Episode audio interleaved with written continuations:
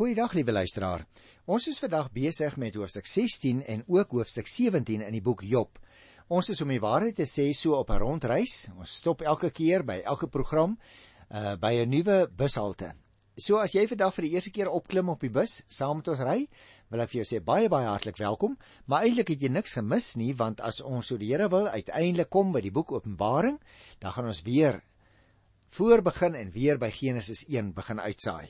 Jy kan natuurlik ook altyd 'n CD bestel, jy kan 'n hele reeks bestel of oor 'n hele boek. Uh en dan kan jy weer daarna luister. So ek gaan twee aspekte wat na vore kom, so bietjie bespreek hier uit hierdie twee hoofstukke. In hoofstuk 16 handel uh, dit hoofsaaklik oor Job wat sê dat die Here wat vir my getuig is daarbo. Met ander woorde, Job is nie hooploos en uitsigloos soos die kinders sou sê beyond hope nie. Nee, hy ly swaar, hy kry bitter bitter swaar. Maar hy weet, die Here daarbo is aan sy kant. Maar dan kom daar ook 'n tweede aspek na vore in hierdie gedeelte waaroor ons gaan gesels, naamlik dat Job sê daar is nie hoop in die doderyk nie. Ek het nou al 'n bietjie met jou gesels oor die Ou Testament se siening oor die doodryk en hier kom dit nou weer ter sprake. Ek doen spesifiek oor 16 en 17 gesamentlik omdat daar sekere aspekte na vore kom wat die twee hoofstukke eintlik aan mekaar bind. Oorsigtelik sou ek sê dit gaan hieroor. Job se vriende was natuurlik veronderstel om hom te troos in sy tyd van droefheid, maar in plaas daarvan was hulle eintlik besig om hom te veroordeel omdat hy na hulle mening self vir sy lyding verantwoordelik was.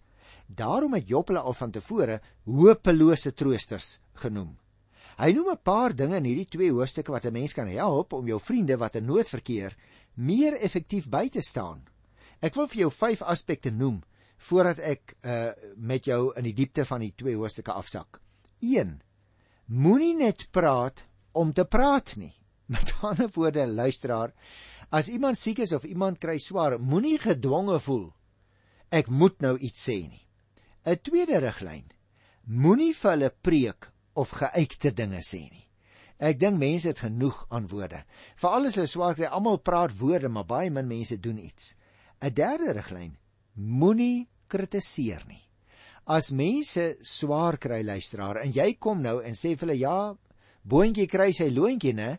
Jy's nou in so 'n situasie dan druk jy hulle nog meer onder toe. 'n Vierde riglyn: Stel jouself in die ander persoon se plek. Met ander woorde, jy en ek moet as dit ware empaties onder die vel van die ander een inklim. Ons moet ons verplaas in sy of haar situasie. En vir onsself vra as ek nou in daai persoon se se posisie was, wat sou ek nou graag wou hoor ten einde bemoedig te word? So verplaas jouself in die ander se plek en 'n vyfde riglyn bied hulp aan en bemoedig.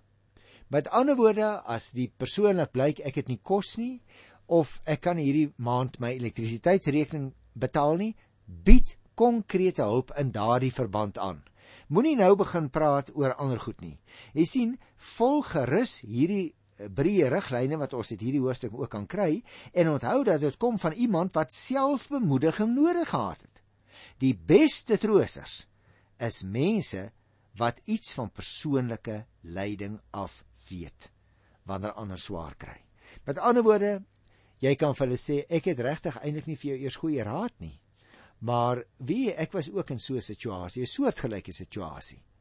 En die Here het vir my wonderlik daaruit uitgehaal. So daarom kan ek jou bemoedig om te weet en vir jou te teenoor jou te getuig, die Here red 'n mens as jy tot hom roep ook uit moeilike omstandighede. Goed, luisteraars, kom ons praat oor die eerste aspek vir vandag dan. Die Here wat vir my getuig, sê Job, is daarbo. Kom ons lees die eerste 3 verse. Toe het Job weer gepraat. Hierdie soort argumente het ek nou al baie gehoor.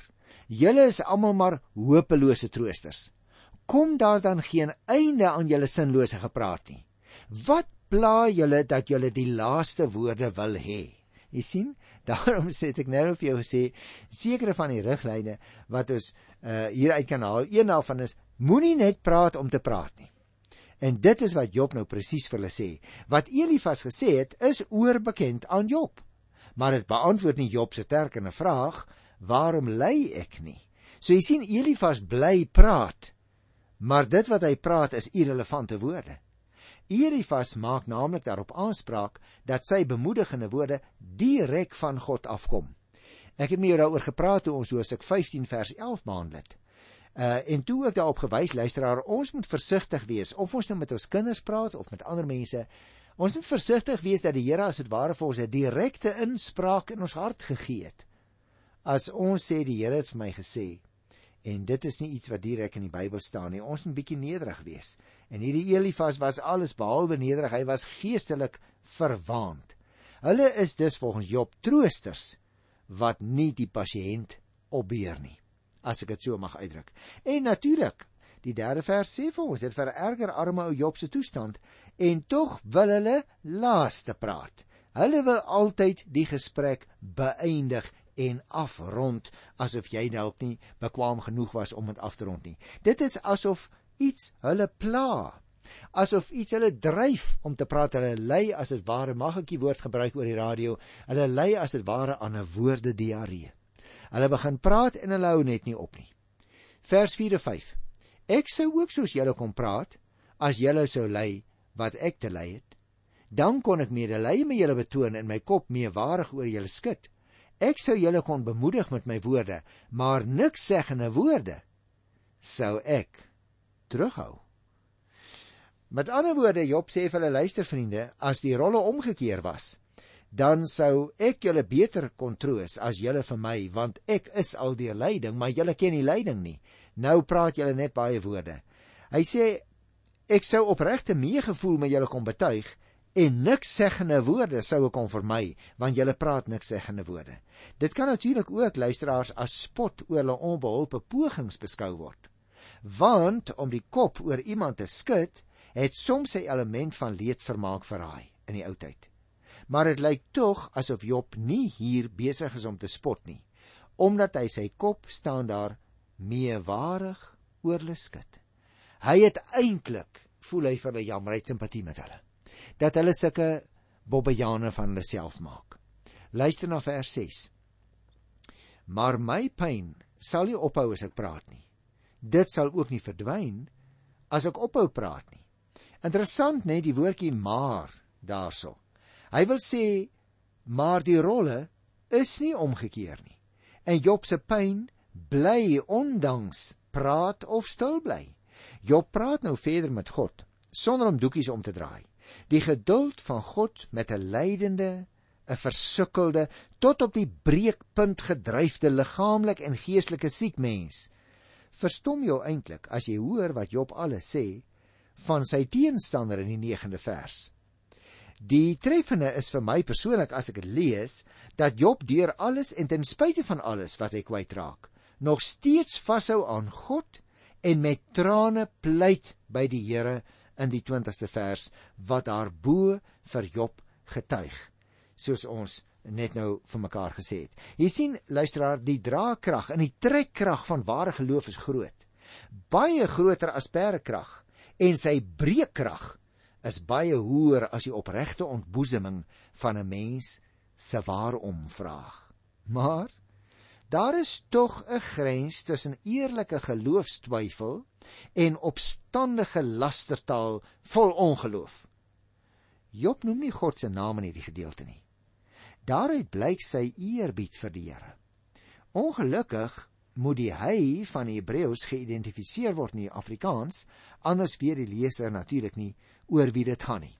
Maar ons uh, vertalers het dit so vir ons weergegee, die hy met 'n hoofletter dat ons weet wanneer die Here aan die woord is en wanneer nie. Mense moet onthou natuurlik luisteraars in Hebreëus was daar nie uh, enige uh, leestekens of punte nie en daarom uh, het die sinne so aan mekaar gevloei en is dit nou nodig om soms 'n hy in die Afrikaans met 'n hoofletter in te voeg om aan te dui dat dit die Here is wat aan die woord is. Vers 7 tot 9. Nou het God my afgetakel. Hy het my hele gesin uitgewis. Hy het my beet gepak en dit dien as getuienis teen my. My vervalle toestand staan op en getuig teen my. God het my in sy toorn verskeur en vervolg. In sy woede het hy my lewe bedreig. Hy my teenstander deurboor my met sy oë. Dis duidelik Job is soos ek nou-nou vir jou gesê het op breekpunt. Want eers het Job se kinders almal omgekom en daarna is hy deur sy vriende veroordeel. Nou het hy ook begin voel dat die Here hom regtig in die steek begin laat. Dis geen wonder nie luisteraar dat hy liewer wou sterf nie in van die vorige hoofstukke wat ons al behandel het. Maar die Here wil nog iets belangriks vir hom en vir jou en vir my leer. Dis amper of Job God verwyd oor die dood van sy gesin. En nou is dit en sy vervalle toestand die verdoemende getuienis dat hy skuldig is. Dit het sy vriende vir hom gesê en dit begin hy nou self al so 'n bietjie glo. Die beeld hier in die 9de vers is dat God eintlik soos 'n roofdier optree en verskeur. In Genesis 4 vers 7, dis baie interessant, word die sonde met 'n roofdier vergelyk. Dat God in sy toorn, in sy woede hard optree teen oortreders, dit blyk natuurlik onder andere uit Eksodus 32. Ons uh, het dit daar behandel toe ons daai gedeelte gehandel het en daarom gaan ek dit daar laat. Kom ons lees nou vers 10 tot by vers 13. Mense rek hulle monde oor my. Hulle beledig my. Hulle sak op my toe. God het my oorgelewer aan slegte mense. Hy het my in die hande van goddeloses laat verval. Ek het rustig gelewe. Toe versteur God my rus. Hy het my aan die nek beetgepak en my verguis. Hy het my van het, van my 'n teken gemaak. Sy pile tref my hele liggaam. Met doenloos deurboor hy my niere en my gal loop op die grond uit. Jy sien terwyl al hierdie ouens gepraat het, luisteraars. Uh is dit nou vir ons baie duidelik dat Job ondertussen 'n skouspel geword het vir mense. Sy vriende wat hom moes opbeer, het eintlik vir hom neergedruk. Hulle het eintlik die Here se lang handlangers geword want hy beleef dit nou dat dit die Here is wat hom te neerdruk. En deur hulle optrede word Job se lyding algaande meer en meer vererger. Miskien oordryf Job daar in die 11de vers wat ek gelees het, deur hierdie ouens as goddeloses te beskou, want eintlik was hulle sy vriende, maar hulle tree op soos goddeloses. En weer eens het ons gesien in vers 12 en in vers 13 uh, word die ramp wat Job getref het beskryf as 'n ramp wat deur die Here gestuur is. God het Job se nek gebreek asof hy 'n jong donkiefilletjie is. Nou vir ons klink dit baie sterk taal, liewe luisteraar, maar onthou dit is iemand wat praat uit 'n totaal bedreigde situasie waaruit hy geen uitkoms sien nie. En daarom klink dit vir ons, ek wil amper vir jou sê dit klink asof Job 'n ongelowige is en dit is natuurlik nie so nie. Kyk vers 20 tot 22. My vriende het my bespotters geword. Daarom pleit ek met trane by God dat hy uitspraak lewer in die saak tussen 'n mens en hom soos 'n saak tussen 'n man en 'n vriend, want my jare is minne gaan verby. Ek gaan na die plek toe waarvan niemand terugkom nie. So Job besef, menslik gesproke, is hy op pad na die graf toe. Daarom was die opskrif: Hy, dit is die Here wat vir my getuig is daarbo. Die tweede aspek wat ek daarmee wil bespreek in hierdie program vandag is die verdere deel van Job se antwoord. Hy sê daar is nie hoop in die doodryk nie. Nou ek dink hier moet ek 'n paar algemene opmerkings maak broers en susters. Want jy sal onthou Job se drie vriende het bekend gestaan as baie verstandige mense. Maar Job het nou in hierdie 17de hoofstuk wat ons nou gaan behandel, gesê dat nie een van hulle regtig verstandig is nie. God self het dit natuurlik bevestig ook, maar ons kom eers daarby in die 42ste hoofstuk. Want daar veroordeel die Here hierdie vriende van Job omdat hulle verkeerde dinge namens hy wat die Here is gesê het. Dit is dus duidelik, liewe luisteraar, dat hulle die verkeerde siening van wysheid gehad het. Hulle het aangeneem dat hulle voorspoed en sukses toegeskryf kon word aan God se tevredenheid met hulle lewenswyse. O, wat 'n verskriklike verkeerde aanname is dit om te maak. As dit met jou goed gaan, liewe luisteraar, dan moet jy nie daarin lees dat die Here groot guns aan jou betoon omdat jy baie wonderlik is nie. Jy moet oppas dat 'n mens, jy en ek, dat ons gelukkige of 'n suksesvolle of 'n versorgde lewenstyl vir ons 'n aanduiding is van hoe bekwaam of hoe oulik ons is. Job het nou egter aangetoon dat hulle vertrekpunt verkeerd was. Dit gaan nie met hulle goed omdat hulle so goed is nie. En dit gaan nie met Job sleg omdat hy so 'n groot sondaar is nie. Jy sien aardse sukses en voorspoed is geen direkte bewys van geloof in God nie, luisteraars. En net so is probleme en moeilikhede ook nie 'n bewys van ons ongeloof nie. 'n Mens wat regtig wys is, weet dat wysheid slegs van God afkom en niks te doen het met aardse sukses of mislukking nie. So iemand sal ook nooit van die Here afdwaal nie.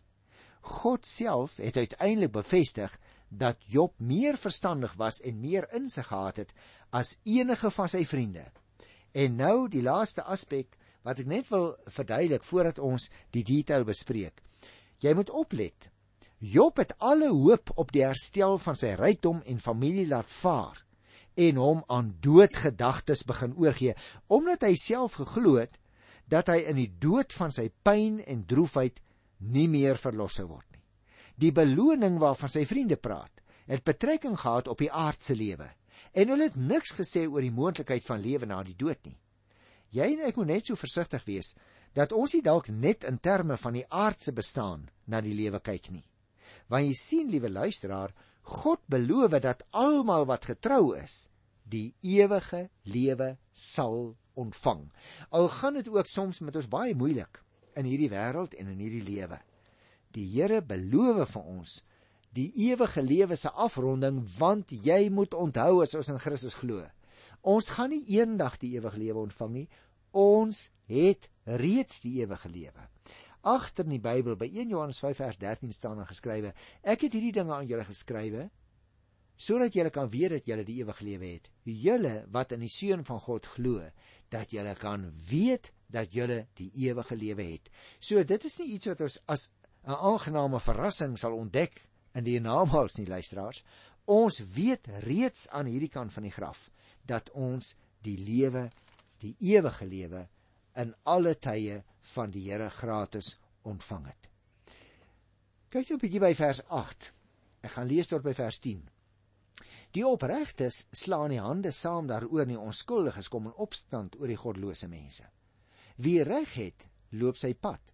Wie rein voor God is, neem toe in krag. Al kom julle almal elke dag weer terug, kry ek nie een onder julle wat verstandig is nie. 'n baie belangrike uitspraak in die konteks van hierdie boek. Jy sien luisteraar, om die hande saam te slaan is 'n teken dat iemand ontsteld is. Dit kan miskien wees oor Job se jammerlike voorkoms en die behandeling wat hy ontvang. Meer waarskynlik lyk dit vir my is die klap van die hande die reaksie van die opregtes, die onskuldiges oor die hartvogtige optrede van Job se vriende wat juis in die opsig met godlose mense se gedrag ooreenstem. Die manier waarop hulle Job probeer ondersteun is eintlik nie die styl van 'n gelowige nie. Teenoor hulle optrede dan bly die wat reg het op sy pad staan hier. Al het Elifas op 'n stadium in Hoofstuk 15 by die 4de vers vir Job verwyd dat sy optrede mense afvallig maak van die eerbied vir die Here. Wie rein voor God is, staan hier. Luisteraar, nou is mooi daarna luister. Met ander woorde, eerlik en opreg optree en aan die Here se eise voldoen, neem toe in krag. staan hier en jy sal die hele gedagte ook kry in Spreuke 4 by die 18de versie. Met hierdie uitspraak, liewe luisteraar, beklemtoon Job, Job tog baie baie duidelik dat ook hy glo aan beloning vir opregtheid. En dan die 10de versie wat ons gelees het en waar ons gesien het, al kom julle almal elke keer weer terug na my toe, kry ek nie een onder julle wat verstandig is nie. Jy sien hieraan aan hierdie sukses en seën van die Here sal Job se vriende nie deel nie, want nie een van hulle, onthou jy vers 4, is verstandig nie.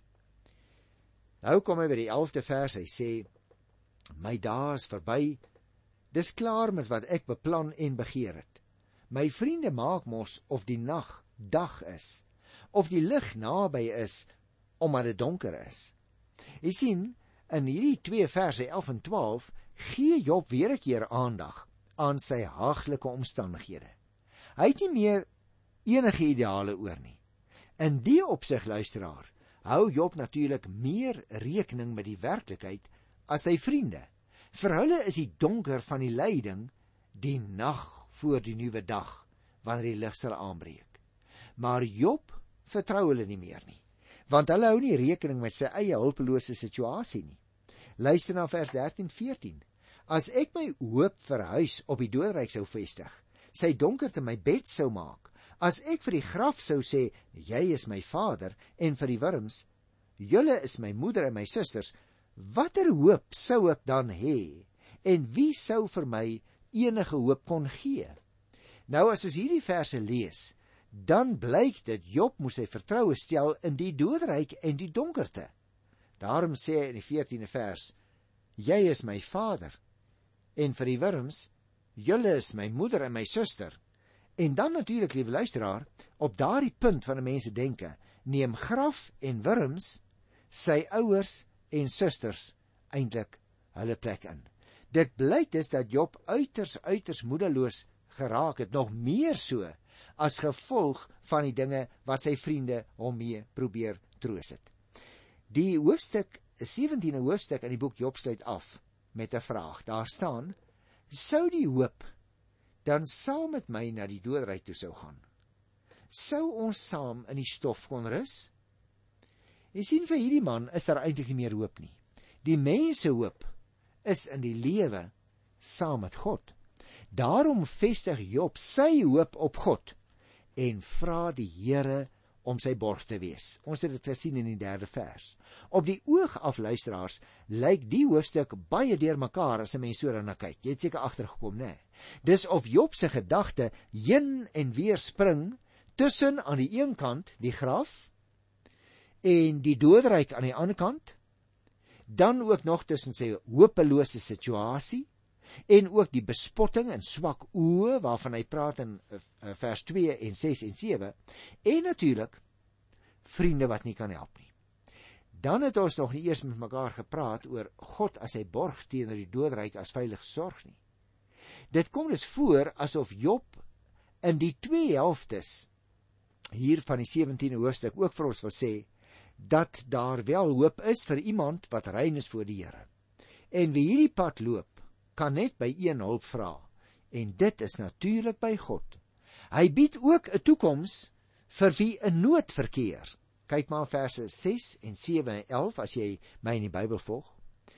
'n Toekoms vir wie in nood verkeer. Nie die graf nie en ook nie vriende sonder verstand nie. Nee, luisteraar, daar is nie hoop in die doodryk, ook nie by vriende nie. Daar is net hoop by God. En dit is my baie opvallend hoe sterk die uitskakeling van die vriende beklemtoon word deur 3 keer te noem. Met ander woorde, hy sê ek wil jou nie meer in my lewe hê nie, maar ek het nog hoop. Al is dit soms 'n bietjie min omdat die Here aan my kant is en ek aan sy kant. Ter afsluiting wil ek net vir jou sê luisteraar, Ons moet ook die geloof hê wat Job aan die dag gelê het. As alles van ons weggeneem word, moet ons steeds onthou dat God al is wat ons eintlik nog ooit regtig gehad het. Ons mag nie van die Here eis om alles aan ons te verduidelik nie. Hy het aan homself vir ons gegee. Maar hy sê nie altyd al die detail van sy planne met ons lewe vorentoe nie. Daarom groet ek jou in die wonderlike naam van die Here oor wie ons ook soms wonder. Dit is waar. Ek wonder ook soms oor die Here. Want ek verstaan hom nie, hy's te groot. Maar wie wat? Een ding weet ek, die Bybel sê en daarom aanvaar ek dit. God is nooit oor my onseker nie. Hy het sy seun laat sterf sodat ek kan seker wees van my eindbestemming. In daardie wonderlike groot geloofswaarheid wil ek graag in jou hart probeer bære tot volgende keer. Tot dan Totsiens.